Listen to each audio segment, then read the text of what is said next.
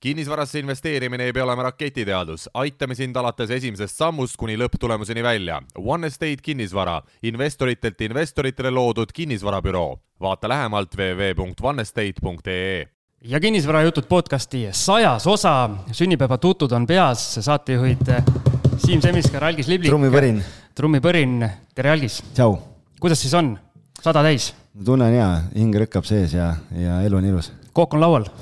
Kook on laual ja, ja juba maitsesin ka, nii et äh, parajalt äh, rammus ja tummine, nii nagu saja, sajanda osa või eluaasta puhul siis kohane. ma ei tea, kuidas sul on, aga mul juba umbes äh, üheksakümnenda juubeli paiku hakati inimeste poolt küsima, et te olete igas nulliga lõppenud osas toonud kedagi suuremat nii-öelda sünnipäeva või seda juubelit nagu tähistanud, et kelle te sajandast saatest toote laua taha. kuhu veel edasi, jah? kuhu saab veel edasi minna ja, ja., ja ma ütlesin, et oodake, oodake, et asjad, eh, nii-öelda mõtted on olemas, asjad susisevad ja nüüd ja, me siin oleme. täna me oleme siin ja, ja ütleme jah, et väga eriline külaline, et, eh, et me siin ju eh, eelmises saates veel ütlesime, et me ise ka ei tea, kes tuleb, sellepärast et selleks hetkeks ei olnud veel lõplikku kinnitust olemas, aga, aga võiduka lõpuni õnneks. just, ja sajandas saates on meil siis külas, nii nagu ta iseennast nimetab, elu kunstnik Urmas Sõõrumaa. tere, Urmas! tere, tere! me nagu mõtlesime algisega kahekesi, et kui me teeme kinnisvara podcast'i eh, just nagu investorite poolt vaadatuna, siis eh, meile tundus, et kedagi eh, nii-öelda suuremat tegijat üldse Eesti ärimaastikult ja, ja ka kinnisvaraga seoses on sajandasse saatesse raske leida. kas sa nõustud meie selle arvamusega? no eks suuri, suuri tegijaid ja minu vanaema armastas üldse öelda, et inimene ei tee kunagi suuri asju, et suuri asju veetakse hobusega. aga mis puudutab kinnisvara, siis ütleme noh, tõepoolest Eesti ja Tallinna oludes suur osa Tallinna kesklinnast, eks ta torkab silma ja, ja ütleme, et on märkimisväärne. et selle, selle, selle poole pealt olen nõus et mina olen sinuga kunagi eh, sama laua taga istunud ja podcast'i teinud, see oli Edu Valemi podcast, eh, kus me rääkisime sinu sellest eh, kogu äriteekonna algusest ja üldse sellest, sellest nii-öelda kujunemisest, et kas sa saad kiirelt, lühidalt kokku võtta, kuidas sinu kogu see äritegevus kunagi heal nõukogude ajal algas? kuidas ta algas? noh, eks vot seda täpselt nüüd nagu mäletab, me neid kapsamüümisi ja neid ei ole vist mõtet rääkida, aga aga eks kogu aeg on olnud midagi luua ja teha ja hiljem olen ma aru saanud, et minu astroloogiline kaart ütleb seda, et kui ma e-, esimest korda silmad lahti siin maailmas tegin või igal hommikul teen, siis minu esimene emotsioon on imestus. Et oi-oi-oi, mis siin kõik on, järgmine on see, hakkab visualiseerimine pihta, et mida siia kõike teha võiks. ja alles kolmandal kohal on ego ja vaadake, inimestel on nagu selles mõttes erinevalt, mõne, mõnel on, kui ta iseenda ego ega iseennast ei näe, siis ta ei liiguta mitte midagi näiteks, noh. nii et minul, minul ikka jookseb see visualiseerimine ja unistus jookseb ikka ees ja siis teod takkajärgi, nii et nii et enam, enam-vähem niimoodi, aga aga alustasin ma niimoodi päris süsteemset ettevõtlust, et ma noh, ma sattusin noh, tegin viite asja nagu hunt kriimsilm, sõitsin taksot, olin spordimetoodik, kütsin mingeid ahjusid, töötasin äh, siis, siis miilitsas, äh, mille tõttu ma olen siis ka omale mingi märgi otsa ette kuskilt saanud, kuigi pole kunagi üheski miilitsakoolis käinud, aga, aga see oli seotud siis äh, selliste ihukaitsete ja selliste asjadega. ja, ja siis ühe korra sattusin Soome tööle ja töötasin mingi kuusteist tundi päevas, sain kakskümmend viis marka tunnis ja hakkasin siis ja vaatasin neid margakesi peo peal ja ütlesin, nüüd lähen koju tagasi. et võtan ühe töö, töötan vähemalt kuusteist tundi päevas ja ennem tuleb soomlane mulle tööle, kui mina sinna lähen. ja, ja see kõik realiseerus lähemate aastate jooksul, et see, mida ma teenuse valdkonnas, mäletate, vanasti oli ESS, Falk ja nüüd tänane G4S ja nii edasi, et see, mida ma tollel ajal Baltikumis ja Ida-Euroopas tegin, no sellist ei ole mitte keegi siiamaani nagu järgi teinud. Ja minu üks parimaid abikäsi oli soomlane Lauri Saloranda. Oma elukogemusega, oma, oma ellusuhtumisega ja nii edasi, et kõik see realiseerus täiega. aga noh, eks hiljem, hiljem jälle, nagu me armastame öelda, juhuste tahtel minu hea tuttav Märt Vooglaid kutsus mind väiksesse kinnisvara ärisse ja sealt hakkas see suund pihta ja, ja, ja nagu viimati kas või see Forus taksoga vaadates, siis ütleme, et eh, noh, see kuulub minu juurde. nii et ega nagu, nagu ma olen endale öelnud, et mina kui ma kuulengi, keegi räägib mingist pensionipõlvest või mingist asjast, siis ma ei saa sellest üldse aru, et mina töötan kuni lõpuni aga sa teed siis, ma saan aru, neid asju, mis sulle naudingut pakuvad, kui sa lõpetasid need nii-öelda rasked tööd ära seal Soomes, et siis äh, pärast seda on puhas nauding olnud? ainult, äh, ainult neid töid, et äh, nagu ma armastan öelda, käib töö ja vile koos. et kui keegi küsib, millal sa puhkad, siis ma ütlen, tegelikult ma ju puhkan, nagu ma ja ütleme, mul sellist asja, et ma nüüd nüüd lülitan stepslist, tõmban juhtme välja ja, ja mida, midagi ei ole, ma olen kogu aeg nagu ühenduses, aga samas on ka, on ka töö on puhas nauding ja puhkus, aga noh, see on nagu eraldi teema, võib-olla me puudutame, et, et noh. aga millisel tasandil sa täna kõikides oma ettevõtmistes, olgu see kinnisvara või, või noh, üleüldiselt kui Fooruse võtame, et millisel tasandil sa täna ise nii-öelda niite tõmbad või, või asju teed? No ametlikult ma olen siis US Investi nõukogu esimees, mis on minu, minu investeerimisfirma. vahepeal oli minu grupis üle kaheksakümne erineva ettevõtte, juriidilise isiku, mitte üheski ei ole minu, minu alg-, minu allkirja õigust ja mina ei mäleta äh, fakti, et mitte üheski ettevõttes ei oleks nagu siis äh, minu, minu juhiseid nagu täidetud. et ma olen alati, mul on nii palju paindlikkust, et ma olen alati siis teatud vastutust kandvate juhatuse liikmetega alati saanud, äh, saanud nagu üksmeele asjade realiseerimiseks. üks asi veel, mis ma tahtsin küsida, sa võtad ka üsna palju selles mõttes sõna et kui sult küsitakse midagi, siis sa alati vastad ja samamoodi sa tuled nii-öelda meie nii-öelda väikesesse podcast'i hea meelega külaliseks, et mis selle taga on, kas sa tahad kuidagi nagu oma seda elukogemust ja teadmisi nagu edasi anda, et on see põhjus? eks ma, ma tunnetan ära, et ma, palju on räägitud uuest energiast, uuest ajast, mingid struktuurid lagunevad, kuskil midagi muutub ja nii edasi. mina ütlen, et miljardite aastate jooksul ei ole siin maailmas mitte midagi uut. lihtsalt muutub meie suhtumine asjadesse ja, ja mina olen valinud äh, äh, tee läbi südame. Ja kui ma tunnen, et inimesed teevad südamega mingit, äh, mingit teemat ja oma tööd ja küsivad siis minu käest ükskõik kas abi või suhtlust või nagu teie, et noh, siis ma tunnen, et see on koht, kus tegelikult jagada.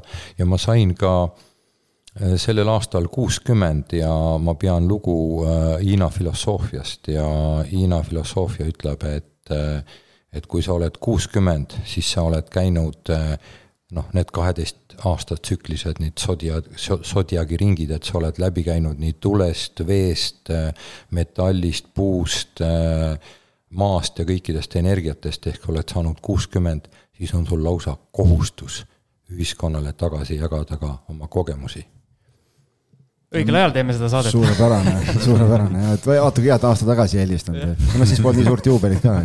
aga no näed, iga asi juhtub põhjusega või nagu õigel ajal, elus on oluline olla õigel ajal õiges kohas.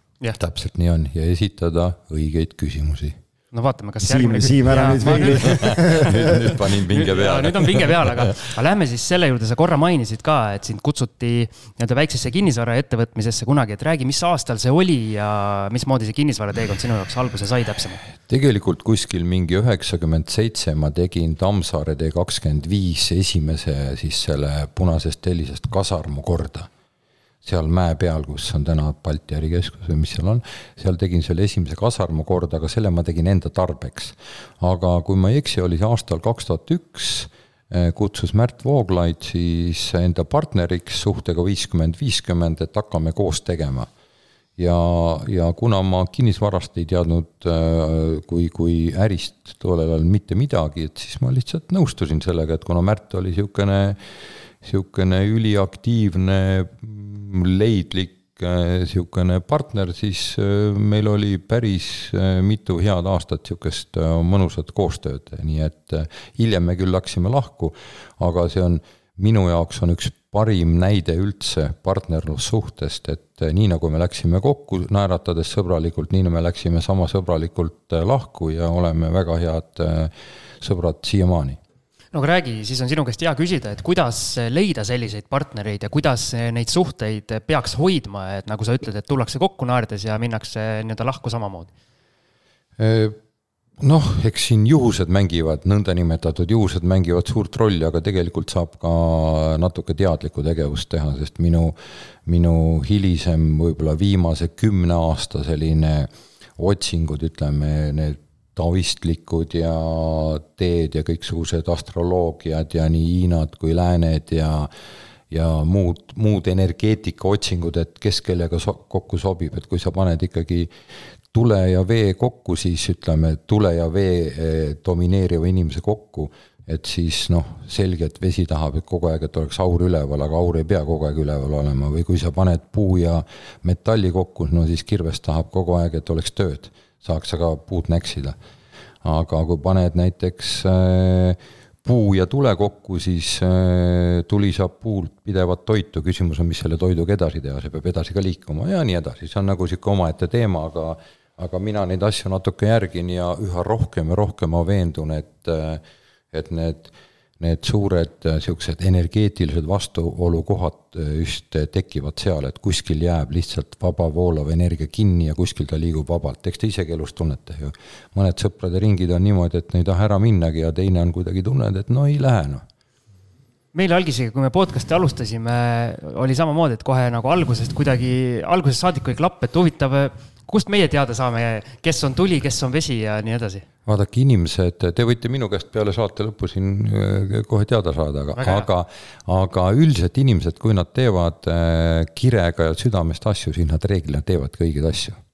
sest vaadake, vaadake paljud ettevõtmised, mis seal üheksakümnendate alguses algasid, ükskõik, võtame kas või siin Toomas Annus või või siis äh, mõned muud tegemised, kas või Hans Luik või kõik, kes hakkasid oma asja ajama kirega ja nii edasi, nad tegid tegelikult äh, õigeid asju, no ütleme, vaadates tänast Merko kaubamärki oma energeetikas, oma just see on nagu kasvamisele roheline, need teravad nurgad, muud, muud elemendid, mis seal sees on no ma olen kindel, et tolleaegsed äh, kaubamärgi väljatöötajad ei teadnud sellest energeetikast väga palju mitte midagi. aga kuna nad tegid hingega, no siis sattus peaaegu et kõige parem asi, mida üldse teha annab. nii et noh no,, ja mõned asjad satuvad kokku ka energeetiliselt, mina, ma olen ammu, ammu öelnud, et üks, üks paremini energeetiliselt töötavaid paare on äh, Enn Pant ja, ja Ain Antsmit. et äh, et täpselt, kuidas nende maagiline ruut kokku match ib, see on nagu, nagu niisugune noh, niisugune ideaalne kokkusattumus, et et nad võivad olla ka erinevates maailma nurkades täitsa laiali, aga see kõik töötab. energeetikas muuseas ei ole üldse piire, see on kõik mõttekaugusel ainult.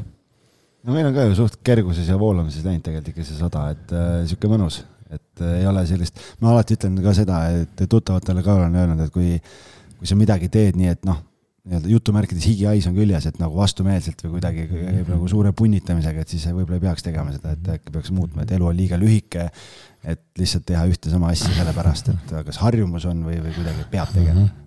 et sa ütlesid äh, õieti, et higihais, et äh, halvad asjad lõhnavadki, et kui sa teinekord tahad teada, kas see on õige või vale, siis kirjuta paberi peale ja lihtsalt nuusuta. üks variant, teine variant. Äh, vale variant lõhnab natuke viletsasti päris huvitav mm. -hmm. selle proovime ära sealt on tulnudki hea nina ja nii edasi. vot siit juba elutarkusi tulevad, siin kinni, kinnisvarasse pole veel õieti jõudnudki, aga vaata juba. Urmas, sind tasus kutsuda saatesse ei, see töötab ka igas muus, elu muus eluvaldkonnas, jah aga lähme sinna kinnisvara juurde natuke tagasi, et eh, kui te alustate, alustasite selle viiskümmend, viiskümmend äriga, et mis see suund oli, ärikinnisvara ja ei, tollel ajal ei mõelnudki, no eks me ikkagi mõtlesime, ma ei ole kunagi nii, nii õhinaga nii sügavalt siis nagu sukeldunud nagu kinnisvara tegemistesse või nende telgitagustesse kui tollel ajal. et eh, küll ma siis uurisin, mis on elamu ehituse nagu niisugused põhikriteeriumid ja ja, ja siis püüdsin vaadata, et no kui sa amortiseerid saja aastaga siis oma oma põhilise elamu kinnisvara ära, et no kui mitu ruutmeetrit sa siis ühel turul peaks nagu aastas juurde eh, ehitama ja küll ma võrdlesin siin Skandinaaviat ja ja kõiki neid, et kui sa nüüd mitukümmend aastat ei, vaadake, Vene ajal ehitati, noh, ütleme kaks protsenti, kui sa amortiseerid viiekümne aastaga ära näiteks, noh, Vene ajal ehitati siin pikka aega näiteks kaks protsenti ja rohkem ja siis, kui sa vaatad, et nüüd ei ole mitukümmend aastat ehitatud, et et kuskil see tühimik igal juhul tekib ja kuskilt peab juurde tulema ja ja siis, kui kõik rääkisid, et me siin, ma ei tea, müüsime siin mingi viis tuhat korterit aastas, kuigi kaks protsenti oli minu meelest peaaegu üheksa või kümme tuhat, et et ja, ja ennem seda ei oldud võib-olla viisteist, kakskümmend aastat tegelikult oli kaugelt alla poole protsendi ehitatud, noh, vahepeal oli niisugune aeg. et või uuendatud siis elamu kinnisvara, et et no siis sa ikka mõtled, et et noh, kuskilt, kuskilt, kuskilt see kohe nüüd peab tõusma hakkama, aga vaadake, see on nagu kasiinoski, sa ootad, et see must värv nüüd tuleb ja tuleb ja tuleb ja ta ei tulegi terve see õhtu, et noh, selles mõttes, et äh, et äh, kõik, kõiki neid asju peab ikka pikas perspektiivis vaatama, aga noh, loomulikult eks need äh, ütleme, need äh, graafikud ja kõverad on tähtsad muidugi. aga mäletad sa siis ka, et mis see esimene maasikas oli, mille te lõpuks ära ostsite, et mis see tehing oli? meil õnnestus osta niisuguse äh, Märdi niisuguse süditegevuse tagajärjel äh, siis eh, Narva maantee viiest kuni see, kus see tsentraali hotell ja sinnamaani, kuni see, et kogu see kvartal peaaegu, kus see admirali maja hiljem tekkis. ja, ja see nurk äh, õnnestus meil ära osta täitsa niimoodi ilusti ja järgmine oli kohe Rotermanni kvartal. terve see Rotermanni kvartal, nii et see detailplaneering oli veel lõpetamata see kuulus Priatooni gruppi ja Priatonil oli, ütleme, et kõrini sellest Tallinna linnaga asjaajamistest ja ja mina, mina siis käisin ja uurisin ja vaatasin, et ütleme, tegelikult ei ole palju jäänud ju, et miks ta, kuidas tal nagu, aga igal juhul tal oli nagu kõrini ja meil õnnestus ära osta ja noh, nüüd me oleme seal juba ühek-, kaheksa, üheksateist aastat vähemalt askeldanud, nii et need on need, need kaks rosinat, rosinat ja nagu, nagu siin äh, elu näitab, et nüüd ma äh, siis selle värske Foorumi äh, keskuse ostmisega olen jälle seal Narva maantee alguses tagasi, nii et ütleme, et noh, eks elu käib kogu aeg sellesama koha ümber seal aga ühe kogu kvartali arendamine, nagu see nii-öelda Rotterdami on, et. Rotermann. Rotermann et see on nagu hästi pika vinnaga asi, et tundub, et kinnisvaras sellisele nii-öelda nagu kärsitusele mingit kohta ei ole ei ole, kuigi, kuigi neid planeeringuid ajades, ehituslubasid hankides läheb ikka kops üle maksa ikkagi väga korduvalt, eriti selle mõistmatu protsessi tõttu, aga noh, kui kinnisvara arendada, no siis no kohe ei tohi alla saja aasta ette vaadata. noh, ja eriti, kui sa arendad sellist kinnisvara nagu mina, sest mina üksikmaju praktiliselt ei ehita, ma ehitan keskkondi, ma loon keskkondi, aga keskkonna loomine eeldab teatud mahu kogunemist ühte kohta ja nii nagu Rotermanngi näitab, siis tegelikult läks pea viisteist aastat aega, ennem kui see maht koguneb sellisena, mis hakkab juba iseennast ütleme, toetama ja hoidma ja nii edasi oled sa nagu rahul, kuidas see kvartal on välja mänginud ennast ja et ta on ikkagi nii-öelda Tallinnas ja kogu Eestis üks nii-öelda kuumimaid piirkondi? Noh, muidugi ma olen rahul, aga, aga ütleme, et eh, kohaliku omavalitsusega koostöö on ehk kõige, kõige niisugune niisugune mm, suurem eh, rahulolematuse koht või niisugune plekk, mis seal küljes on, mis hakkab juba planeeringutest pihta. et, eh, et mina täna tean algaja, algaja kinnisvaraarendajana, kust poolelt puhuvad valdavad tuuled ja kus tõuseb päike ja kus loojub päike, aga tän-, linnaplaneerijad seda ei tea.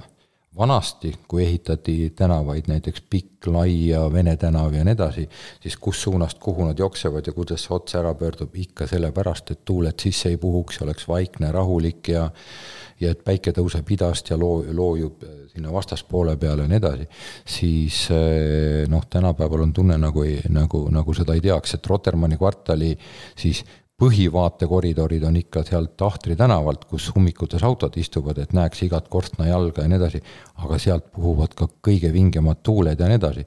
aga et vaadata vanalinna torne eh, hommikul alla päikest ja õhtul eh, vastu päikest, siis ütleme, et vot seda, see on nagu uudis veel tänaseni aga see on nagu, see on nagu elevant toas, vaata, et kõik saavad sellest kõik räägivad sellest probleemist ja see on nagu igapäevane ja seda frustratsiooni nagu ma ei ole ühtegi kinnisvaraarendajat näinud või, või kohanud, kes ütleks, et noh, jube hästi on nagu need asjad, et miks seal midagi ei muutu siis, sest see ei ole ju nagu eile tekkinud probleem selle, et, et see, see probleem nende ehituslubade ja kõikide selle linnaplaneerimise poole pealt on nagu nii suur probleem olnud pikalt juba, et miks sa arvad, miks see nii on või, või nagu? no vaadake, kui mina ütlen, et mina oma kahekümne aastase kogemusega olen veel tegelikult väga noor äh, linna ja kinnisvara arengus, üks on kinnisvara kui maja või majade kompleksi arendada, teine on tervet äh, tervet linna arendada, no seal peab mitusada aastat ette vaatama. ja, ja kahjuks on see meie niisugune demokraatlik valimise poliitiline süsteem selline, et kogenud inimesed seal olla ei taha ja need noored inimesed, ma ei taha öelda, et nad on pahatahtlikud, nad eh, lihtsalt ei oska teistmoodi. Neil puudub elukogemus ja ja, ja, ja seni, seniks, kuni see kogemus välja areneb, on nad juba sealt kuskile läinud järgmise koha peale ja Eh, ja uued tegijad jälle tulevad ja nii edasi, aga inimesel on juba loomus, et kui ta mingi koha peal istub, ta tahab ju keegi olla. Ta tahab vähemalt öelda, et see maja nurk ei ole selline või see värv ei ole selline või selline.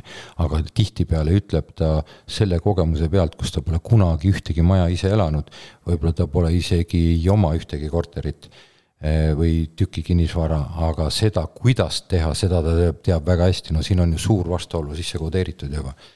et eh, vot nii on lihtsalt. kui sa ütled, et kinnisvara äri või kinnisvaraga tegelemine on selline saja aasta, saja aasta formaat või ettevaatamine, et aga siis see ju tähendab seda, et sa ikkagi seda lõpptulemust või seda sihti sinu silmad ju ei näe. Aga ütleme, et kui ma hakkan nagu ütleme sellest elama, et, et no see, siis hakkab mu ego liiga palju tööle, mina naudin protsessi. See, mida ma praegusel ajal parasjagu teen, sest et eh, noh, minu, minu elufilosoofia eh, räägib nagu selles mõttes palju rohkemat, et, et eh, me kõik, meil kõigil on erinev tee igasuguses arengus, siin, kas sinna arengu juurde kuulub siis ettevõtlus, äritegevus või ükskõik, pedagoogika või, või mõni muu poliitika või eluvaldkond, siis me kõik lõpetame ühe koha peal lõpetame piltlikult öeldes tüh-, tühjade taskutega ja tühjade pihkudega ja, ja nii edasi. see on, see on küll niisugune nagu tundub nagu kõlakas, aga, aga et sellest paremini aru saada, siis ma võin tuua ühe väga niisuguse praktilise näite. mina ostsin kaks tuhat kolm Rotermanni kvartali, umbes maksis äh, seitse miljonit euri.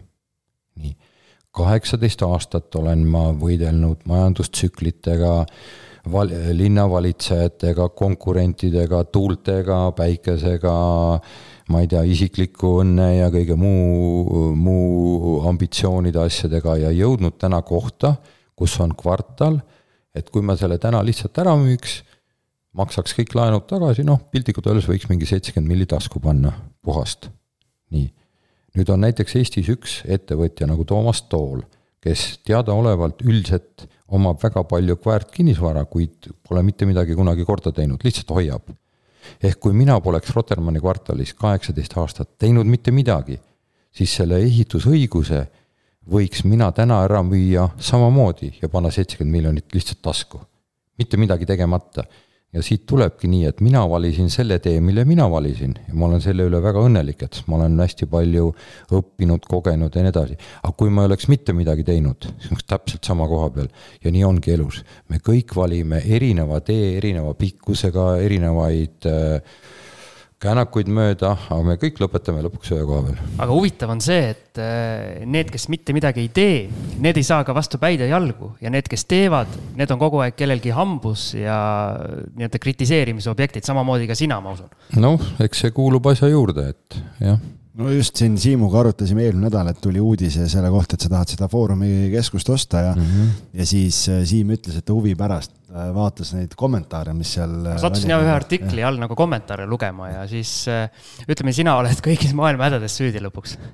mina, mina. kaabakas, sest sa oled nii jõukas ja edukas. ja mina, mul on selles mõttes üks hea omadus, ma juba hästi ammu ei loe kommentaare ja ma, ma isegi, ma ei loe isegi vaata, ma olen hästi tänulik nendele kõikidele tänastele väljaannetele, et nad võimaldavad lugeda pealkirja ja siis seda natuke laiendatud pealkirja ja, ja ülejäänu peaks nagu kuidagi tellima, mul on hea meel, et ma lihtsalt seda rohkem ei peagi lugema. sest pealkiri äh, näitab äh, tihti, tihtipeale ära või üldse kogu see, noh, pealkiri näitab ära midagi, aga ka näitab ära ära ütleme, selle, selle tänase meedia absurdsuse, noh, ma alles üks päev lugesin nagu paar päeva tagasi sihukest pealkirja, et Eestisse tahab tulla mingisugune salastatud äh, programmiga mingi ülikool või, või mingi pedagoogika või, või mingi sihuke asi, pealkiri on mingi, mingi salastatud, mingi tõesti nagu mingi salaühing või midagi.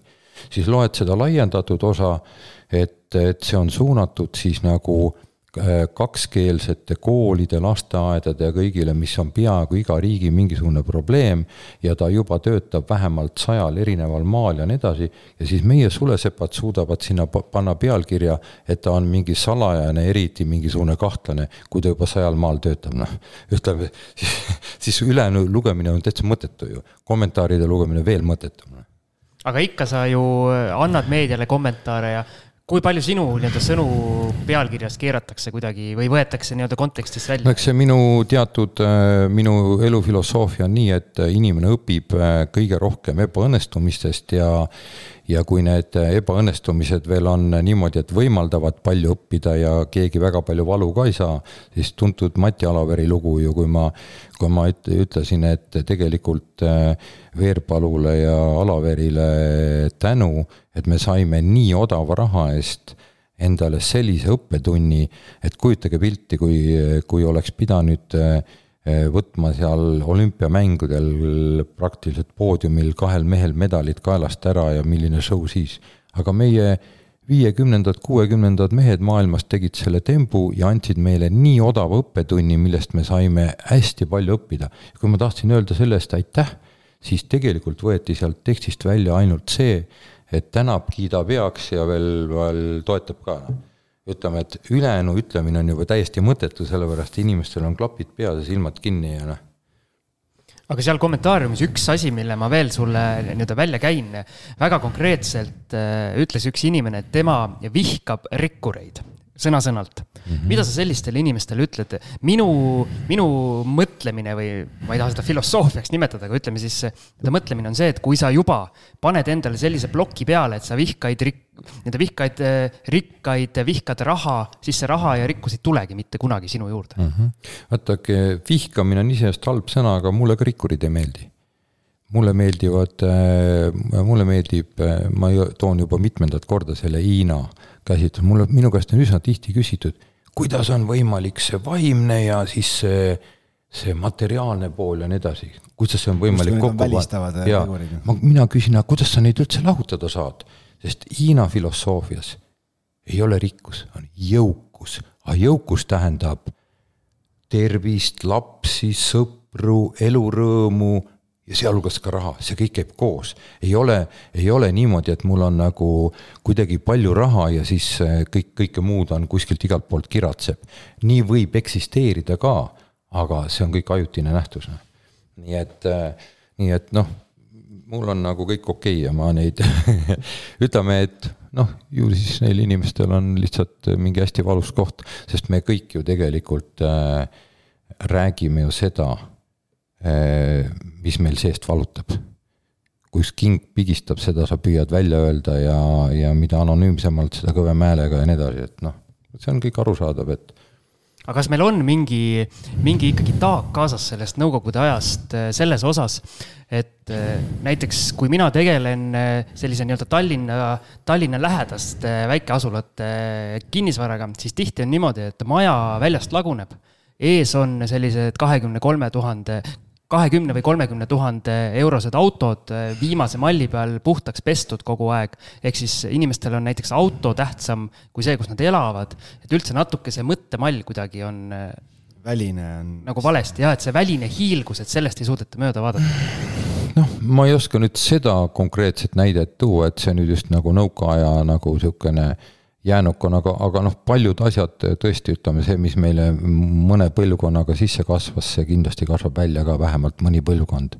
nii et kindlasti on meie, meie paljudes, eriti riiklikes juhtimissüsteemides, eriti haridussüsteemis lööb see nõukaaja suhtumine ikkagi, et no parem kui teised ja kapitalismist mööda ja sellest edetabelis see ja see. Ja unustatakse inimese nagu niisugune põhiolemus, tema põhianne unustatakse ära, ta tapetat-, tapetakse lihtsalt mingite mõttetute koormamistega lihtsalt ära, nii et minu lapsed on, kui ma haridussüsteemi puudutasin, nii nagu keegi pead tõstab, kohe välismaale õppima ja kohe muutub terve maailmapilt.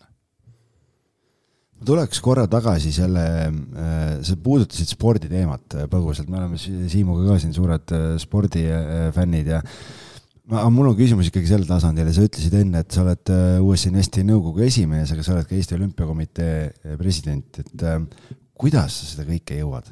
sa oled, ma vaatan sind, sa oled puhanud, sa oled rahulik, sa oled, noh, näha on, et sa nagu noh, mõnusas kulgemises, et kuidas sa jõuad seda kõike teha? noh, elus on kakskümmend neli tundi meil kõigil, nii teil kui minul kui kõik, kõikidel teistel inimestel, et noh, kuidas sa neid asju, kuidas sa neid asju jagad, et tõepoolest, ma olen kogu oma teadliku elu armastanud sporti, ise liikunud palju ja ja juhtinud, juhtinud siis ütleme juba lähedale kolmkümmend aastat erinevaid spordistruktuure ja olümpiakomitee president oli täiesti loomulik arengukoht, et kuidas ma jõuan no kes teeb, see jõuab. mis, mis ma siin ikka öelda oskan, et noh, tegelikult eks iga organisatsiooni juhtimine ikkagi nõuab, nõuab seda, et ega sa üksinda ei tee. teeb ju tegelikult meeskond ja inimesed, kes sinu ümber on. tuleb, tuleb neid motiveerida, nendest lugu pidada ja anda neile võimalus ja, ja noh, nagu ma alles hiljuti kuskilt lugesin, anda ka võimalus eksida, sest me kõik eksime ka ju aeg-ajalt. mis su lemmikspordiala on? saad sa üldse EOK presidendina öelda niimoodi välja? eks ma ikka saan öelda see, mis endal südame soojaks teeb. võetakse välja siit. ei, mulle meeldivad eh, noh, loomulikult ikka need, millest sa natukenegi aru saad, noh, tennisega olen iseenesest kokku puutunud eh, ütleme, ma arvan, pea varsti viisteist aastat ja ja üht-teist sellest seal toimuvast nagu jagan ja ütleme, kergejõustik ja jooksmine ja siuksed, siuksed asjad meeldivad, võitluskunstid meeldivad ja ja, ja, ja noh, ühesõnaga kõik, kus hästi lähevad, loomulikult meie äh, veheldama ei oska, iseenesest olen ühe korra, ühe korra niimoodi vehelnud ka, aga. aga torgati läbi või? aga isegi, isegi omasuguste hulgas ütleme, ütleme pimedate kuningriigis osutusin lausa nägijaks nii et. Siim, kas nii. sa oled vehelnud? ei ole kunagi. mina olen ka ühe korra käinud ja no mega adrenaliin tuli sisse ja no üliäge ja põnev. et võtad selle väikse, selle selle rapee võtad endale kätte ja ütleme, mingi väristad seda mõni minut ja siis on käsi nii väsinud ja vaatad, kuidas need peenikesed tüdrukud seal nagu, nagu seda nii elegantselt käsitlevad, et noh, noh tihtipeale, et üldse hakata mõnda, mõnest, mõnda spordiala arvustama, siis pead, tasub ise proovida aga räägime, või tähendab, tuleme korra kinnisvara juurde tagasi, et eh, kui palju sa oma kõikides nendes arendustes ja tegemistes nagu näppudega küljes oled olnud, et kas sa vaatad või oled ikkagi vaadanud seda suurt pilti või oled läinud eh, objektile, pannud kiivri pähe ja hakanud seal nii-öelda, ma ei tea, müüri laduma, piltlikult öelda? Eh, topin oma nina isegi nats liialt palju, aga põhimõtteliselt proovin hoida vibratsiooni. võtame näiteks Euroopa hotelli otsa, seal eh, otsas on nüüd see suur-suur parkla, seal on eh, seal on nüüd, me nimetame seda Ahtri kolm ehk A3 projekt, seal on viiskümmend tuhat ruutmeetrit arendusõigust, see on peaaegu samasugune eraldi keskkond nagu Rotermanni kvartal. ja, ja no üle kümme, kaksteist aastat olen ma, ütleme, kuidas öeldakse äh,, peedistanud neid arhitekte, asju, et leida õiget projekti, et see töötaks ja nii edasi, noh teadupoolest ma oskan suhteliselt äh,, valdan ka pendliteemat ja ja tunnetan ise. Ja ükskord tuli ära. tuli töö, mis näitas seitsekümmend protsenti. ja ma teadsin, et see tuleb, pendel näitas, et see tuleb, aga selleks, see läks aega mingi viis-seitse aastat, ennem kui ta tuli ja selle töö nimi oli Voolav vesi. nii, ja siis hakkab see siis edasi arenema, arhitekt hakkab siis juba tegema siis nagu vähe, juba praktilisemat tööd ja nii edasi, tuleb mingi järgmised variandid mulle ja vaatad selle peale, et midagi on valesti, no midagi ei toimi, kuskil on midagi läinud nagu nihu. ja siis tuli meelde, et küsin arhitekti käest, et kus see voolav vesi kadus? see on vibratsioon. ta sai poolelt sõnalt aru, ütles selge, läks koju tagasi. ehk mina hoian tegelikult nagu, nagu orkestril on dirigent, sa hoiad seda energeetilist vibratsiooni, samamoodi peab olema dirigent ka jalgpalliklubil, korvpallikoondisel ja nii edasi. kui see läheb selle peale, et äh, iga mehe isiklik füüsiline panus, siis see asi ei toimi. keegi peab hoidma energeetilist vibratsiooni a la voolav vesi ja kui sa suudad seda hoida, siis allpool tunnetavad ka seda ja hakkavad seda järgima, siis tulebki hea asi. aga nii, nagu me läheme selle peale, et et palju maksab meeter või tonn või betoon või metall või nii edasi, siis me saamegi mingi klaasbetoonkuudi, mis, mis tekib tahtmine viieteist aasta pärast ära lammutada. et, et mina hoian lihtsalt vibratsiooni.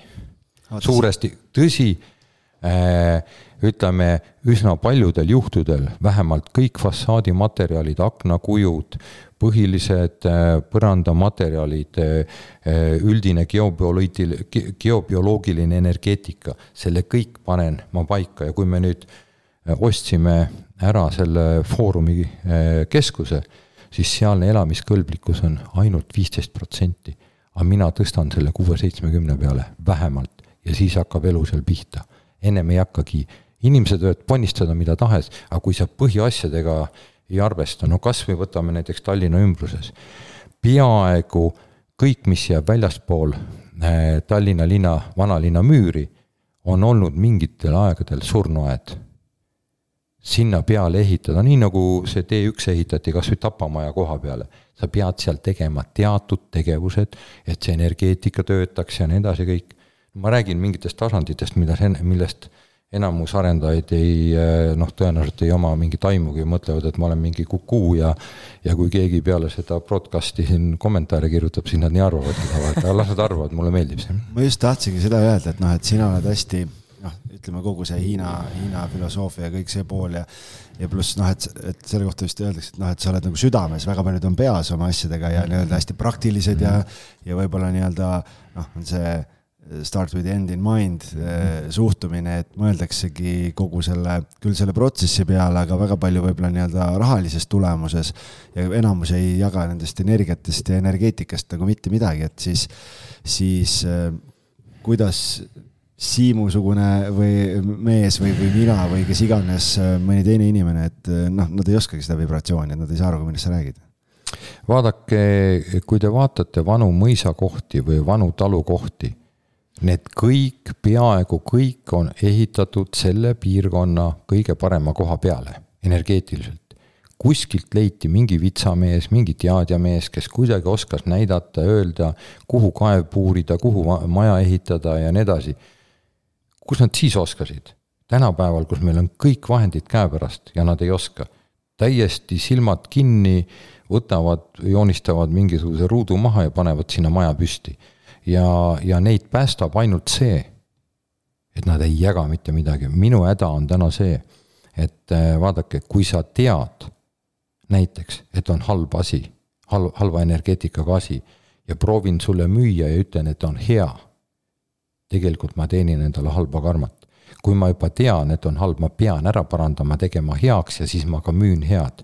aga inimene, kes tegelikult ise arvab, et on hea ei tea, et ta ei ole hea, ega ta siis tegelikult ta noh, müübki nii, kellel jutuosavust rohkem, kellel vähem ja ja noh, ühesõnaga nii see elu käib. okei okay,, aga mida sa soovitaksid näiteks Siimule Vaidast, kellel on eh, nii-öelda suvaline paneelmaja korter ja kuidas seal neid asju parandada, sa ju nii-öelda korterit ümber ei tõsta kuidagi eh, annab nagu nii väikses ühikus ka midagi nii-öelda parem? kindlasti, kõiki asju annab parandada, aga ütleme, et kui on väiksem kortermaja, siis tüüpiline asi, kui ma räägin sellist energeetikast ja see on geobioloogia, siis, äh, äh, siis kõige enim mõjutatav on ikkagi maa sees liikuv vesi ehk mis, mida ta siis teeb, ta tekitab staatilist elektrik, elektrit. Ehk vee liikumine nõndanimetatud torus, maa-aluses torus, võta siis nagu suss kätte ja liiguta mööda nagu villavaipa, varem-hiljem särtsu saad. ja sa oled, sa oled siis nagu tegelikult staatilise elektrikeskkonnas. Ja seda maandatakse kõige tavalisema maandustrossiga Eh, kuskile põhjapoolsesse nurka ja loodetavasti mitte sinnasama, sama soone peale, vaid siis nagu puhtasse kohta ja kõrvale ja, ja kui on nüüd maja nii suur, et ei ole seda kuidagi võimalik ja naabritega ka ära ei klaari ja ise ka ei jõua nagu seda kõige eest ära teha, siis, äh, siis äh, vanarahva tarkus, lambanahk. lambanahk on kõige parim, parem staatilise elektri kokkukorjaja, vanarahvas pani selle tugitooli autoistme peale, lapse vankrisse, igale poole pani ja paned selle selja all ja alla ja see või voodi alla ja see, see neutraliseerib selle koha ka ära. aga noh, seda on mõistlik siis panna, kui see tõesti, see veesoon seal on. aga kui seal all satub olema kas siis õhukoobas, kas siis märja õhu või kuiva õhuga, siis on natukene teine jutt, märja äh, märja õhu ja ka Hartmanni võrgu neutraliseerib ära siis teada-tuntud Judy vaip ja kuiva õhu siis neutraliseerib ära siis kork kork, tavaline ehituskork, kas siis kahe poole või kuni viie sendi paksune. noh, sõltub siis sellest intensiivsusest, mis sealt alt tuleb. ja, ja nende, nende asjadega noh, praktiliselt saab juba teha päris heaks, noh loomulikult on veel maa enda vibratsioon, maakoha vibratsioon, mis võib olla kas eh, enamal juhul ütleme, kas liiga madal mõõdetakse ängströmites, eh, üks Rootsi akadeemik aastast tuhat seitsesada kuskil mingi kaheksakümmend, üheksakümmend ja, ja, ja siis äh, võib olla ka teinekord liiga kõrge, mis ei lase magada, oled kogu aeg nagu ärevil. liiga madal oled, on uimastav, oled nagu zombi, noh piltlikult öeldes, ka ei, ka ei puhka ennast välja ja nii edasi. Siuksed lood, vanarahvas teadis kõiki neid asju, tänapäeval vähe, kes arvestab, olen kuulnud, et Saksamaal on kohaliku omavalitsuse tasandil vastav nõustaja olemas no vaata, meie kuulajatele päris palju informatsiooni, mida siit nii-öelda edasi hakata uurima ja hammustama, et. Mhm. aga klient, kes sinult ostma tuleb, tegelikult alateadlikult tunnetab, teinekord võid müüa head asja, mul on küll näiteid, kus inimene tuleb hädas rahaliselt igatepidi nutab, ütleb, müüb oma maja juba kaks aastat, ei lähe ja nii edasi, kõik nii edasi. ma ütlen, joonista siia mingi ruut, näita, näita, vaatan oh,. mine pane trosse ümber, tee seda, seda, seda. tuleb kahe kuu pärast tagasi, ütleb, ime juhtus, konkurss lausa viis tahtjat ja sain kolmandiku võrra rohkem, kui üldse lootsin. mul on küll neid näiteid siukseid. Algis, äkki oma maakleri portfelli uus äh, uus nii-öelda tööriist? ja ei, vabalt, et noh, mina, mul abikaasa on neid asju uurinud tegelikult ja, ja osa juttu mulle nagu tuttav, et aga ma mõtlen, kui sa nüüd ostsid selle Foorumi näiteks või ma ei tea, Patarei ostsite, et mm no Patarei on energeetiliselt no nii hull koht tõenäoliselt, kui veel olla saab, arvestades seda, milline ajalugu seal taga on, et kuidas sa selliseid otsuseid teed või, või nagu noh, et mi, mis on need nii-öelda kriteeriumid või lähtepunktid või, või kui nagu otsustamiseks läheb, üks asi on alati muidugi Excel, aga, aga mis veel sinu jaoks on oluline ja määrav, kui sa mingeid tehinguid teed no,? kõigepealt, nagu ma ütlesin, ma ehitan keskkondi, ma ei viitsi ühte maja maja ehitada, noh, see, see nagu ei paku midagi. teine, mis mind alati iseloomustab, see, et, et vana ja uue asja kokkupanemine. et ehitada vanale ajalooga asjale uut juurde midagi, siduda see tänapäevane moment juurde. ja loomulikult energeetika ja, ja tõepoolest Patarei on keeruline koht ja ma andsin endale täiesti aru ja ma võtsingi vähemalt mingi kolme, kolmeaastase programmi, et seda parandada. see, mida ma siin teile rääkisin täna see on niisugune lihtne füüsilisel tasandil äh, siis äh, selline geobioloogia. ma vist, sorry, vahepeal äkki ma ütlesin geopoliitika või mingi taoline. sa parandasid ennast ka? parandasin, tegelikult on geobioloogia jah, vahest lihtsalt keel räägib kiiremini, kui, kui mõistus järgi tuleb.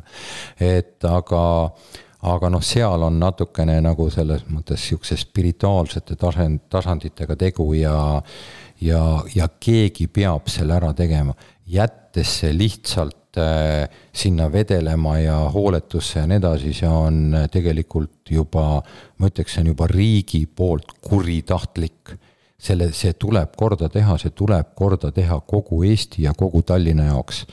ja kui nüüd äh, igasugused irvhambad nüüd siis käsi plaksutasid, et kui riik äh, keerulisel ajal ei otsustanud anda sinna odavat laenu, mitte toetust, laenu, sest pank laenu, laenu ei anna sellise koha peale, kui sa ei, kui sul ei ole talle piisavat tõestada, mida sa seal täpselt teed, noh. aga see vajab korda tegemist ja nagu ma ütlesin, see on vajalik terve Tallinna ja terve, terve Eesti jaoks. Ja see on, ma olen võtnud seal kolmeaastase niisuguse sellise programmi ja see kõik äh, eeldab nende hingedega tegelemist, nendele äh, ütleme piltlikult öeldes äh, teatud mõttes majaka tegemist kabeli näol ja, ja, ja loomulikult kogu nende seinte mälu ja, ja kõik muu, et noh, see on, see on, ütleme, see on tänase jutu jaoks nats keeruline teema teine teema, et Patarei lähedal on ju Tallinna linnahall, mis on ka aastaid keerelnud ja küll on siin ühed asjad olnud ja Tallink pidi siin tegema linnaga koos ja, ja mingid asjad.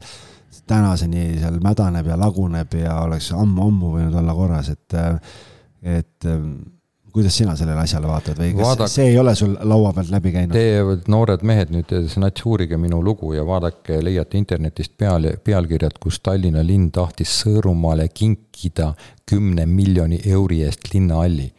ja tänu poliitikute, poliitikute siis äh, meelekindlusele siis ei õnnestunud kümne miljoni euri eest kinkida Sõõrumaale. see, see oleks juba aastaks kaks tuhat äh, seitse-kaheksa juba valmis. ma tahtsin mingi kas kaks tuhat kaks, kaks tuhat kolm, ma tahtsin seda ära osta, see oli müügis. ja pakkusin kümme miljonit euri ja nii edasi. aga mul on endal ka väga hea meel, et looja sellele kõigile nagu käe ette pani.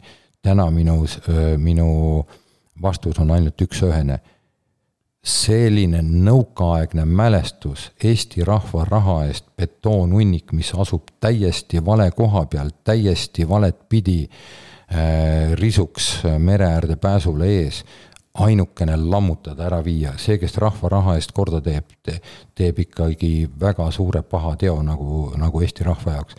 Õnneks on hakanud nende nõukaaegsete lipulaevade nagu äh, kultus juba natukene nagu vähenema ka, et mul on nagu selle Narva tanki ja mõnede nende asjade pärast väga hea meel, et see vähemalt lükkas teistmoodi mõtlemise lahti. aitab meile sellest rahvaraamatukogust küll. see on, see on selle, selle, selle ajastu siis nagu lipulaev, aga kui me räägime avatusest merele, siis sinna peab minema väga selge kõigile avatud, äh, psühholoogiliselt arusaadav promenaad, kerge, puudega ääristatud, kohvikuid täis, inimesed jalutavad ja praktiliselt meri on sul silme ees. see on, see on ainult võimalik selle koha pealt, kus linnahall läheb. Noh.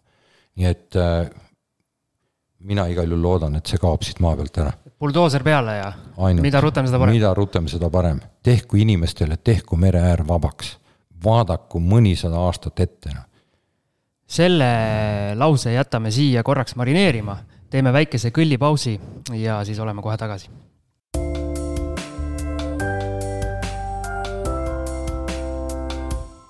nii, väikeselt pausilt tagasi, tahtsime üsna ruttu jätkata, et algis siin vahepeal kooki süüa ei saanudki, aga pärast sööb.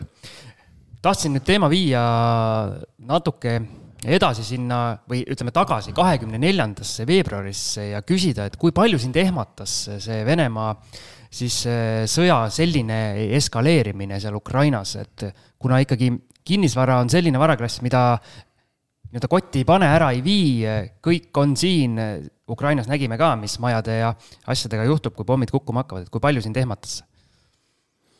No kuna ma olen Ukrainaga juba pea viisteist aastat seotud äh, äh, noh, mul on seal oma, omad ettevõtmised ja tegemised ja olen ponnistanud ja tunnen, tunnen seda ühiskonda ehk rohkem kui keskmine eestlane ja ja, ja tegelikult ju seal sõjategevus käib ju aastast juba vist kaks tuhat neliteist.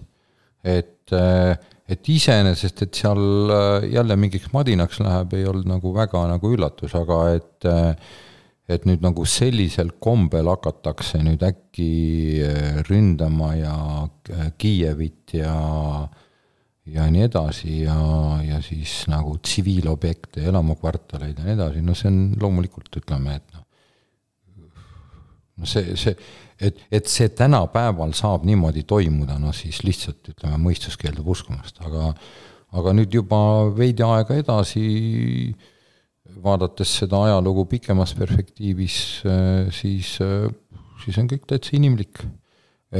kui te, ega te ei saa, ei ole sattunud vaatama sellist filmi nagu Põhjalane. see oli kinos, see oli väga hea film Äh, mille, millel oli siis, äh, moment oli nagu selles, ma kiiresti räägin ära, moment oli selles, kus siis äh, kaks viikingi vennast kuningat, pealikku, üks siis ühte väikest kuningriiki siis juhtis, teine teist, üks vallutas siis teise, teise ära, võttis, lõi selle kõik meessugu maha, lapsed ka, võttis naise ka pantvangi ja muud naised ka, ja siis üks teismeline poiss jäi ellu. ja selle äh, kogu elu moto oli see, et ma päästan oma elu suurima armastuse ehk oma ema ära ja maksan isa eest kätte. Ja kui ta ema nägi ükskord, kes oli juba siis tema onu, siis juba naine ja nii edasi, siis see ema küsis, et vaatas talle silma ja ütles, et kuule, et aga sina värdjas, kuidas sina ellu jäid, sa peaks ammu surnud olema.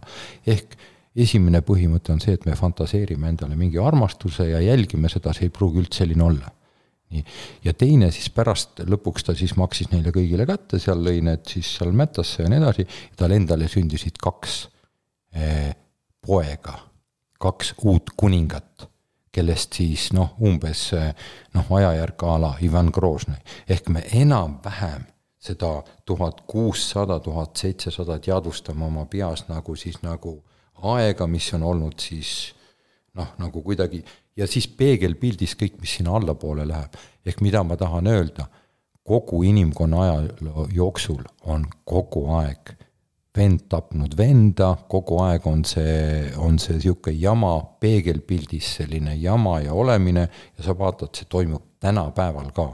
nii et see on nagu inimloomuse üks osa lihtsalt. vahepeal lihtsalt mõistus keeldub uskumast, et ka tänapäeval on võimalik, aga tuleb välja, et on. no aga just, et äh, nii-öelda euroopalik ühiskond äh, on ikkagi sellistest asjadest äh, loobunud, vähemalt sellises mastaabis, et need inimlikud instinktid endiselt on üleval, aga oluliselt väiksemas mahus, eks, aga aga mis seal nagu nii-öelda venelastel siis äh, seal peas või teistmoodi on, et enamus rahvast on selle asja taga ju? Sa oled ju ise ka Venemaal, Venemaal äri teinud, kõvasti kõrvetada saanud, et mis see, mis see värk on, et eks nad tahavad kõike jõuga ja, ja eks see, eks see meedia ja ajupesu teevad oma töö ja, ja, ja eks siin on noh, ütleme, ma, see ei ole see saate formaat, ma olen sattunud palju häid saateid kuulama, et, et sõna kodu Venemaa, vene, venelase jaoks on hoopis teistsugune kui meil. et kui kui vene inimene on elanud näiteks kolmkümmend aastat Brooklynis ja sõnagi keelt ei oska, siis on, tema arvab, et tema kodu on seal ja siis tema järgi peavad reeglid käima, et kui nad noh, siin on öeldud ka vahepeal nalja tehtud, et kui kuskile Türki Antaaliasse või, või siis kuskile Lõuna-Prantsusmaale kuskile sinna Chamonix'e või sinna Kurtsavelli, kui sinna piisavalt suur kamp venelasi peaks nagu kinni jääma, siis noh, miskipärast, et ei saa enam tagasi minna ega kuhugi, siis nad üsna varsti peavad seda enda koduks ja, ja seal peavad nende reeglite järgi asjad hakkama käima, noh. nii et, nii et neil see nagu kodu kui kuskil või kodu või kodumaa ja selline piir neil on nagu üldse nagu teistmoodi arusaam nagu nendest asjadest noh, ja loomulikult ütleme siis see meedia ajupesu, et, et, et kui nüüd meie neid, neid kohe niimoodi mättasse ei löö, siis tulevad nemad, löövad meid, noh.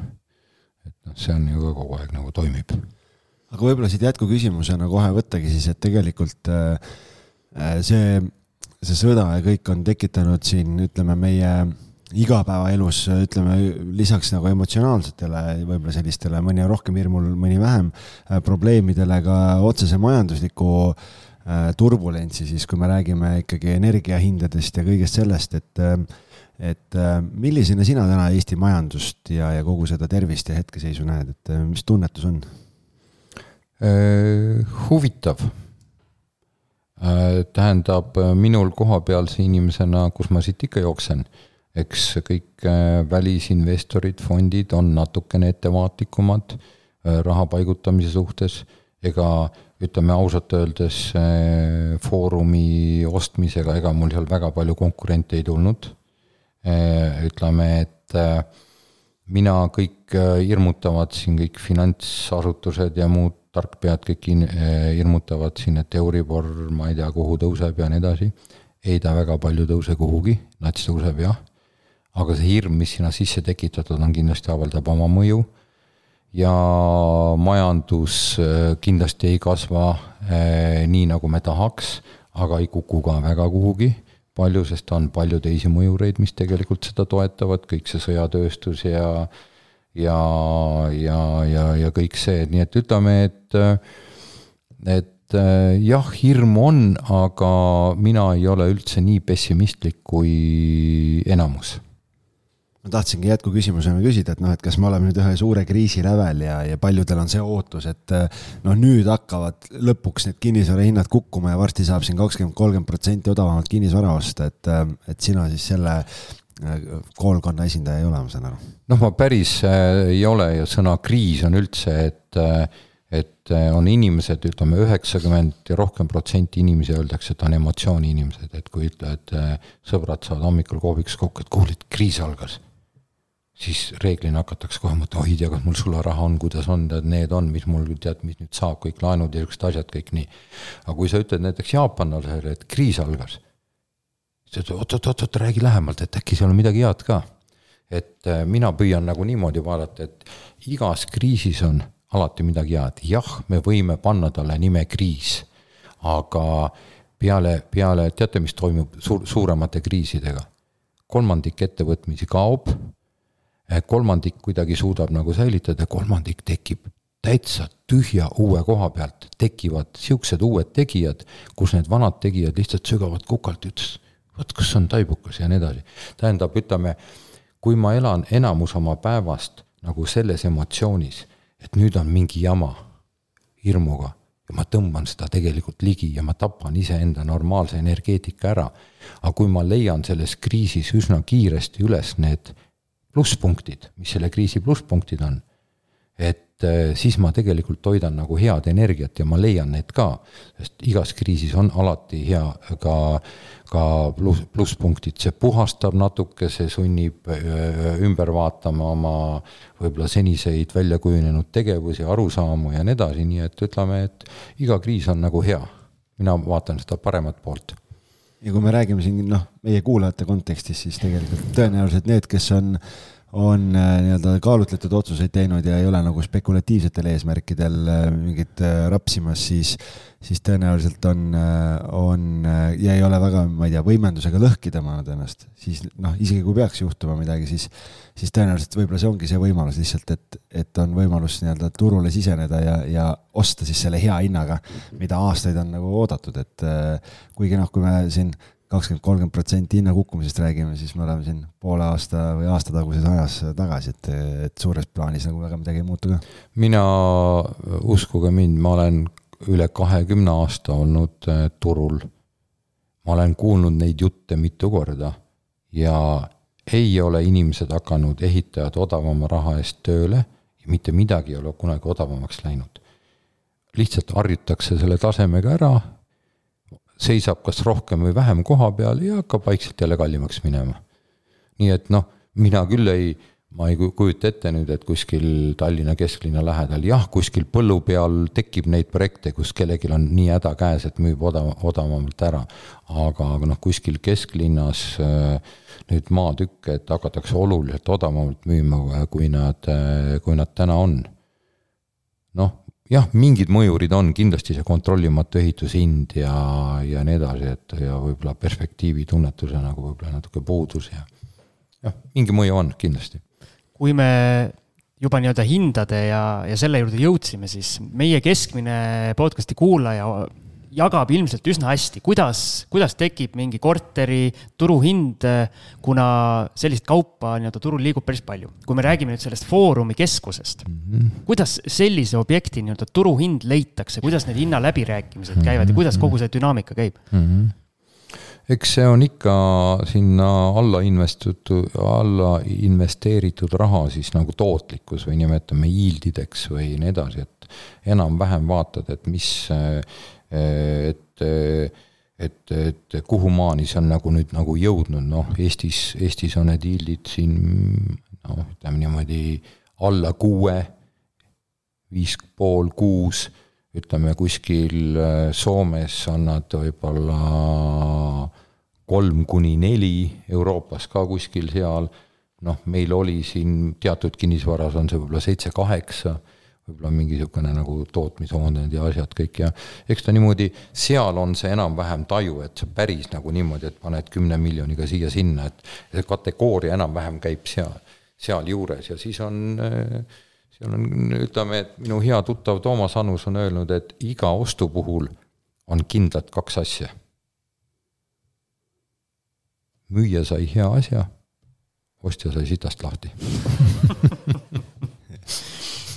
aga räägi, kuidas need läbirääkimised käivad, kas äh, ostja ja müüja saavad kuskil laua taga kokku, panevad äh, nii-öelda joogid lauale ja siis enne, enne püsti ei tõuse, kui hind on paigas?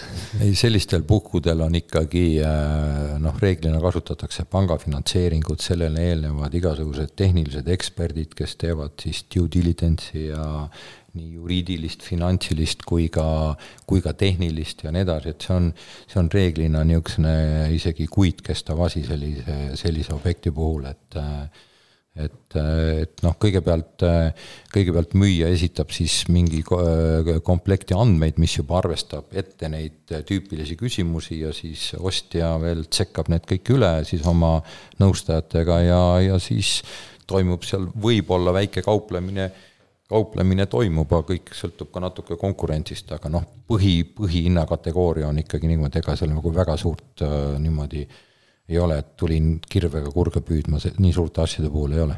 aga nüüd on, võtame kaks erinevat asja, et noh, sa ütlesid rahavaba baasil või ütleme, mingitel noh, nii-öelda sisse pandud raha baasil. hind tavaliselt tuleb, et kui me võtame, võtame Foorumi keskuse, noh, see on arusaadav, seal on mingid rahavood, mingid asjad, sina investorina vaatad sinna peale, ütlesid, et noh, et seal annab oluliselt paremat asja teha, kui kui täna on, aga kui me võtame Patarei vangla, seal polnud mitte mingit merekindlus, merekindlus, merekindlus tähendab jah, et äh, kui seal polnud mingit rahavoogu, mitte midagi, et kuidas siis, kust, kust siis võetakse see väärtus? noh, ega see hind polnud ka, see oli neli ja pool miljonit äh, ju maksis ja pigem on see kohustuse pool, et mida sinna tegema pidi, oli, oli, oli natukene suurem, et äh, eks noh, eks ikkagi seal vaadati ka natukene äh, noh, see koosneb kahest osast tegelikult, vana osa ja uus osa.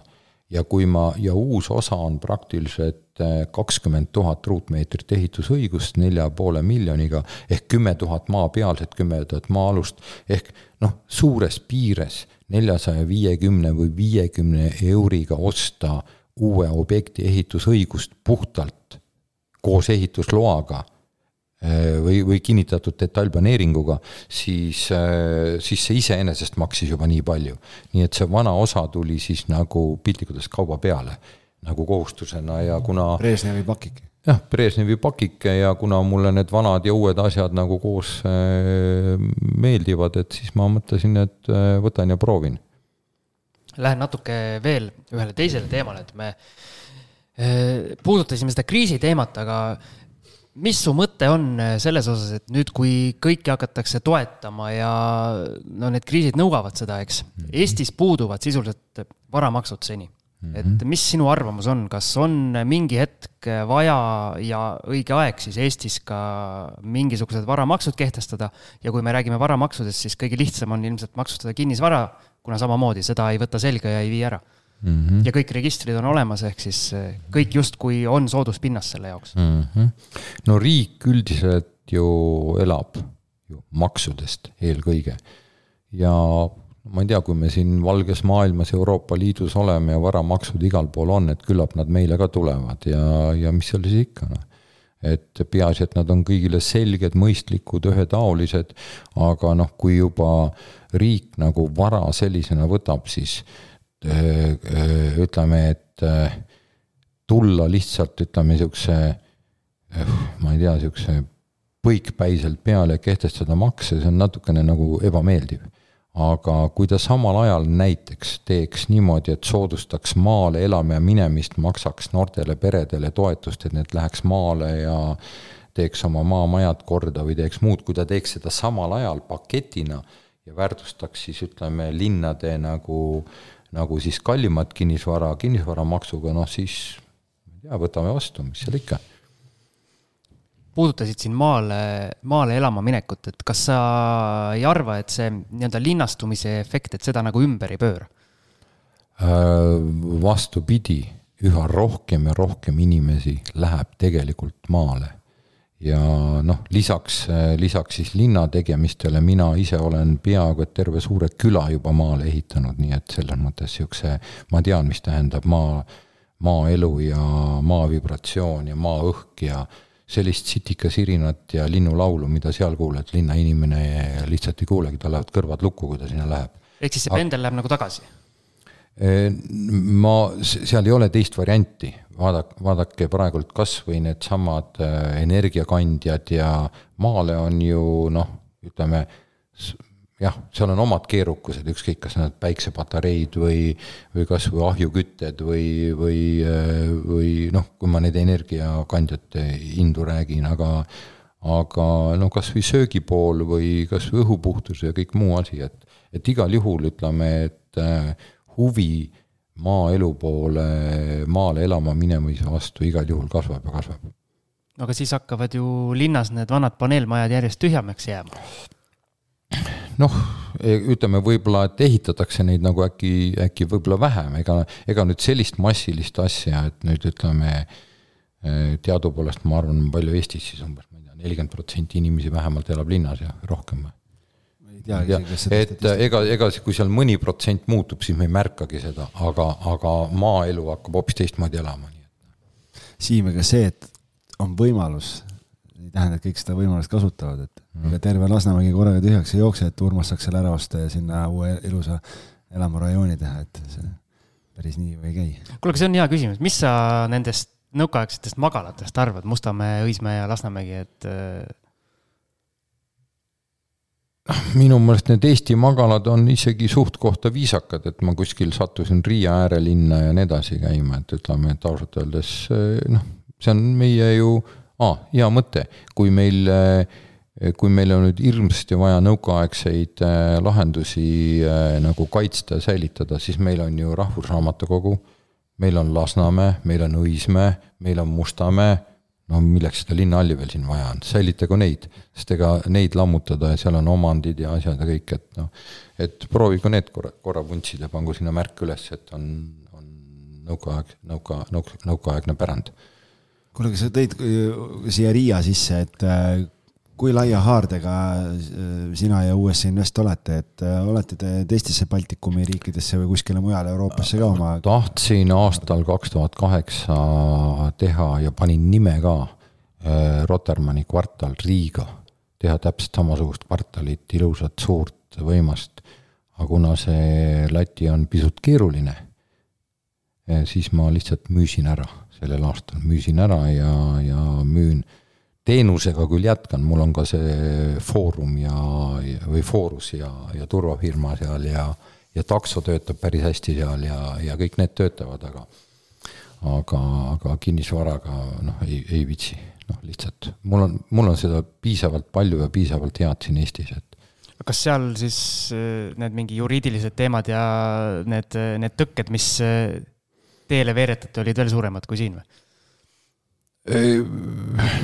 Eks need on igas riigis ise omasugused, kindlasti Soomes on omad ja, ja, ja Prantsusmaal on omad, aga, aga see Läti majandus, Läti keskmine palk, keskmine palk muuseas määrab hästi palju keskmise võimaliku üldse ostja nagu olemasolu ja nii edasi, siis see kõik on ju üsna mitukümmend protsenti madalam kui Eestis ja ja, ja ütleme, et noh, ütleme, et alles hiljuti eh, oli veel eh, ümbrikupalga osakaal päris suur eh, seal.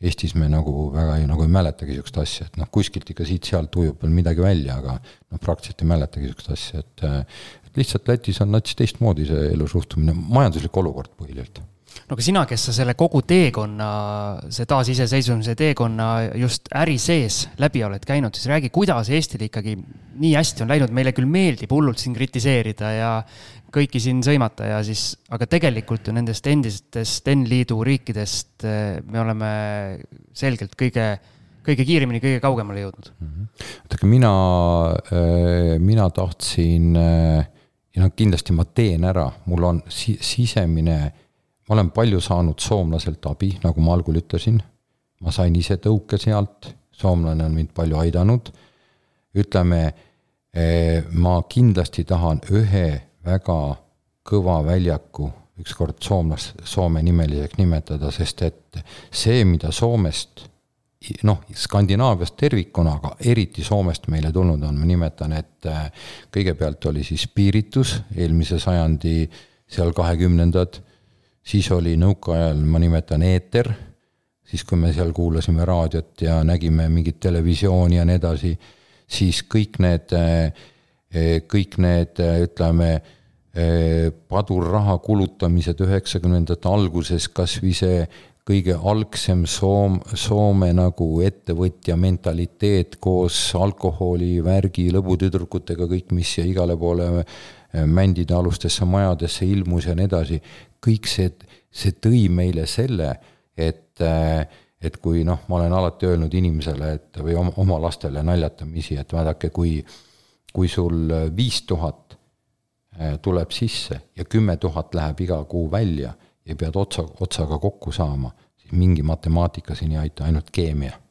et, et põhimõtteliselt see võimaldab meie inim-, Soome lähedus võimaldab eriti Tallinna linnal ja ka tervel Eestil elada oluliselt teistsugust elu kui näiteks Lätil, Lätil ei ole, näiteks vaadake, sada tuhat inimest läheb Soome tööle. toovad raha koju, kulutavad siin ja tulevad ise ka tagasi. sada tuhat Riialast lähevad Iirimaale või, või sinna kuskile Šotimaale või kuhu nad sinna lähevad, Inglismaale, seal teenivad, seal kulutavad ja reeglina jäävad ka sinna elama. Nii et me oleme unikaalses seisus ja, ja tänu Soomele ja Soome lähedusele teeb meist täiesti teistsuguse, teistsuguse Baltikumi riigi. noh, Leedu on juba omaette nagu natuke niisugune Euroopa külje all siin ja ilmselt on äh, soomlaste käsi väga palju mängus ka meie nii-öelda kinnisvara hindade ja üldse kinnisvara arengus, et algis ju teab ka seda väga hästi omast käest. jah, see korter, kus me praegu salvestame, kuulub ka ühele Soome kinnisvarafondile, nii et, äh, et äh, jah, peab, me peame ka tänulikud olema, et praegu siin ühes korteris on üürnik vahetumas just ja meil on see võimalus. kiidame siis soomlasi.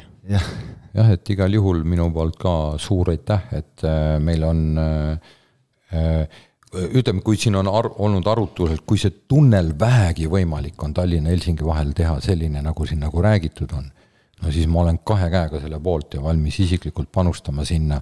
võtad labida kätte ja lähed kaevama. kas või, sest see, see viiks Tallinna ja Helsingi viiks maailmakaardil oluliselt lähemale, et Eestit ja Soomet hakkaks käsitletama ühe piirkonnaga. see on, see on nii tule, tuleviku iseseisvuse mõttes ja igasuguse retoorika ja alalhoiu ja, ja nii edasi mõttes, see on nagu hädavajalik, ütleme, tegelikult so Soomega võimalikult ühtemoodi mõelda.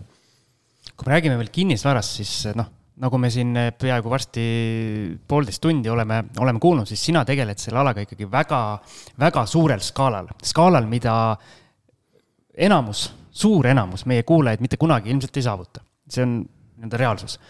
mida sa arvad äh, kui hea, kas siis investeerimisobjekt või üldse siis varaklass on kinnisvara nii-öelda väiksemas mahus tegelejatele, näiteks meil on palju, palju podcast'il kuulajaid, kes ongi ühe või kolme üürikorteriga, ajavad oma muude tegevuste kõrvalt neid asju, et kui, kui hea kinnisvara kui varaklass neile sinu arvates on?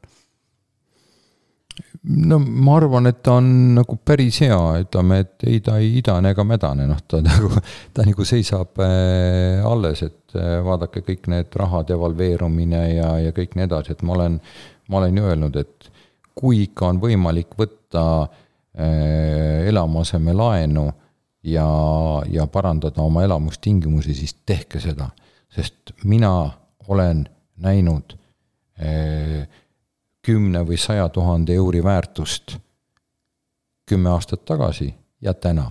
ja kujutan ette, mis selle väärtus on umbes kümne aasta pärast. see väärtus on umbes eh, noh, pool sellest, mis mulle täna tundub.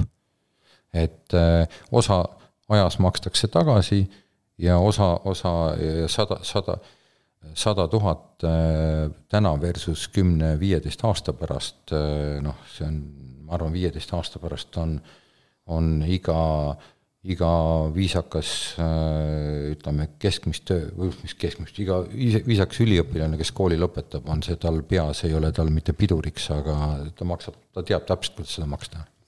ja see on võimalik ka äritegemise ja üldse investeerimise ja ka kinnisvaras tegelemise nii-öelda üheks põhialuseks on ka laenamine või siis eh, kapitali kaasamine, et kuidas, kui palju sina soovitaksid inimestel, eh, kas siis eh, nii-öelda väikses mahus, ma mõtlen oma skaalal, või siis ka näiteks riigil kasutada laenuraha ja, ja proovida selle võrra siis ennast kasvatada mm? -hmm. vaadake, siin ma ei saa Eesti riigist nagu üldse aru.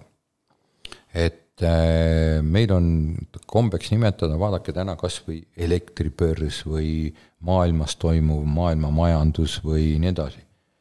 me üsna kergekäeliselt ütleme kohe, et me oleme ühes katlas ja see on täitsa loomulik, et meil on ka nii. me oleme, raha devalveerub, minu meelest Euroopas me oleme esirinnas, nii, meil devalveerub või aga kriis tuleb, süveneb isegi kiiremini, sellepärast et me oleme väike riik. Et äh, me oleme lihtsalt nii väike majandus, et või noh, piltlikult võid selle kella näite tuua, kui, kui kuskil Šveitsis müüakse neid kelli sadade ja tuhandete viisi, siis meil müüakse üks ja siis see üks, ühe kella müümine peab siis ära katma selle poe rendi ja veel maksud ja kõik muud asjad ka. ja, ja, ja nii edasi, et meil on nagu ühiku kohta alati nagu see kallim. kui meil on kriis, siis me kõik äh, naeratame, ütleme, et me oleme ühes katlas. nii, aga kui kogu maailm trükib raha, nii et pressid kärssavad ja laenab. Eh, ütleme, no see oli, ma ei mäleta neid aastaid nüüd, aga see oli vist kas umbes paar aastat tagasi või niimoodi, kui oli maailma võlakoormus suurenes kakskümmend neli triljonit, rohkem kui eelneva mingi kuue-seitsme aastaga kokku. nii, ja siis me ütleme, et meie ei ole ühes katlas, me oleme nüüd omaette katlas ja me katsume nõukaaja moodi, et nagu nõukaajal oli, et kõhu kõrvalt korjasin auto osturaha, ostsin siis auto ja mõne aasta pärast sur-, surin, surin nagu maahaavadesse, sellepärast et noh, lihtsalt elu kustus ära, nii et igal juhul praegusel hetkel tuleb võtta raha nii palju kui võimalik ja kulutada seda mõistlikult. Ja see mõistlik kulutamine on täna eelkõige riigikaitse, infrastruktuur ja infrastruktuuri alla läheb ka haridus igal juhul, kui me seda, selle töö teeme täna ära, me teeme suure kingituse oma järgmistele põlvkondadele, kui me jätame selle tegemata, no siis on, on nagu on, ära kulutame niikuinii. aga kui me tõmbame selle jutu nüüd nii-öelda üksikisiku skaalale, et kas seal kehtib seesama? põhimõtt, põhimõtteliselt sama jah, ma arvan, et, et täna loomulikult ei tohi minna võtma laene kuskilt äh, kuskilt nagu kontrollimatult tegijatelt, aga tänased panga laenamissüsteemid on eh, piisavalt konservatiivselt, piisavalt kontrollivad, eh, arvestavad riske, et kui sul ikkagi ikkagi palk ja, ja kõik muu ja töökoht võimaldab, siis minu meelest parandada iseenda elamistingimusi just täna, mitte kümne-viieteist aasta pärast. et see on õige et saan ma aru, et ükskõik mis skaalal, oluline on see, mis selle rahaga pärast tehakse. jah, jah. et niisama üksikisikuna osta uuem ja suurem telekas, et see ei ole päris see, mida ei, sa mõtled? ei, ikkagi noh, ütleme, et infrastruktuur riigi mõistes on ikkagi, ikkagi äh, teed, tänavad, äh, haridussüsteem ja isiklikus mõistes praktiliselt sama, mis sinu isikliku eluga otseselt nagu seondub, on need suuremad telekad, see ei tee sinu elu mitte grammigi paremaks algis, kui suur telekas sul on mul on sihuke keskmine, et äh, mulle jah, meenub ka see ütlus, et need, kellel on, on äh, suured äh, raamatukogud, need juhivad neid, kellel on suured telekad või kuidagi mingi selline ütlus oli, et eks see teleka suurus midagi näitab, aga kuigi tänapäeval vist enam võib-olla kõik väikseid telekaid ei müüdagi, aga kuule, aga on sul veel küsimusi või, või küsime siia lõppu? minul on telekaga niisugune lugu, et mul, mul tõepoolest üks telekas on ja, ja, ja teine on isegi päris suur. aga ma olen kahel aastal järjest tahtnud meistrite liiga finaali vaadata ja käima panna, siis ma ei suutnud seda tööle panna. rohkem ma pole tahtnud seda tööle panna ja, ja siis, siis ütleme, et praktiliselt polegi teda, pole vajagi. saab ka ilma? saab ilma, jah. küsime need lõpuküsimused või need lõpuküsimused, mis sul on? et äh, kuna meie saate kuulajate hulgas on ikkagi valdav osa pigem alustavaid ja väikeseid investoreid, siis me alati ikkagi meie külaliste käest küsime, et, et kui noh, mida sa neile soovitaksid või, või nagu noh, et kes mõtleb, et kas alustada või, või, või keegi nuputab, kuidas kasvada, et äh, mis sa oma kogemusest saad neile soovitada? Äh, noh, selles mõttes, kas need kokkuostjad või arendajad või keda silmas pead? pigem sellised äh, Siim Vaidast tüüpi väikesed investorid. väikese siukse. tahab midagi arendada või? ei, nagu pigem. nagu üürikorterite portfell ja, ja, ja midagi. või arendada ka näiteks, kui keegi võtab hoogu näiteks, et äh, astuda samm äh, just võib-olla on ostnud korterite kaupa ja tahab nüüd esimest üürimaja kuskil Vaidas äh, teha, et äh, mis sa soovitad? mina ütlen, et see on teie suur võimalus, teie suur võimalus, sest et kõik suured ehitajad, ettevõtted, peatövõtjad ägavad selle hirmu all, teadupoolest võetakse suurte objektide jaoks äh, siis äh, ehitushinnad. Ehitus kestab seal kakskümmend neli kuni kolmkümmend kuus kuud, võetakse alltöövõtja käest hind, alltöövõtja vaene on pannud, paneb kõik oma hirmud sisse sinna. Ma ei tea, mis koefitsiendiga, et ei tea, palju see puit, metall ja ma ei tea kõik, mida maksab, töötund ja paneb sisse, siis mingi mingi vahe, vahendaja paneb oma kümme protsenti juurde, siis peatöövõtja paneb veel juurde ja, ja kogu see hirm on tegelikult seal sees. aga väikeettevõtja räägib otse alltöövõtjaga ja vaatab hirmule otse silma, hirmul tulebki otse otsa vaadata ja online'is võtta ja teha ära. selles mõttes on, äh, võidumehed on need, kes suudab alltöövõtjaga otse suhelda. ja, ja see on, see väikeettevõtja on ju tegelikult alltöövõtjal ju, ju noh, ühe kontakti kaugusel.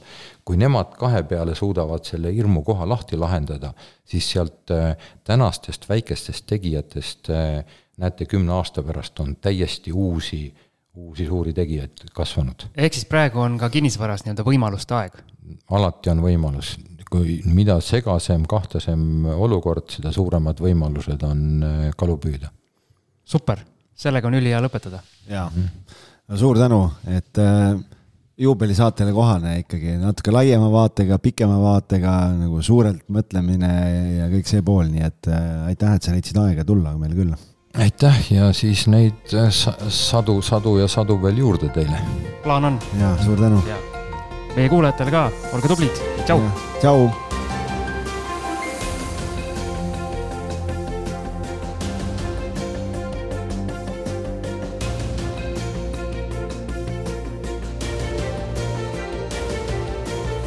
kinnisvarainvestoritele loodud kinnisvarabüroo, aitamised alates esimesest sammust kuni lõpptulemuseni välja. vaata lähemalt www.onestate.ee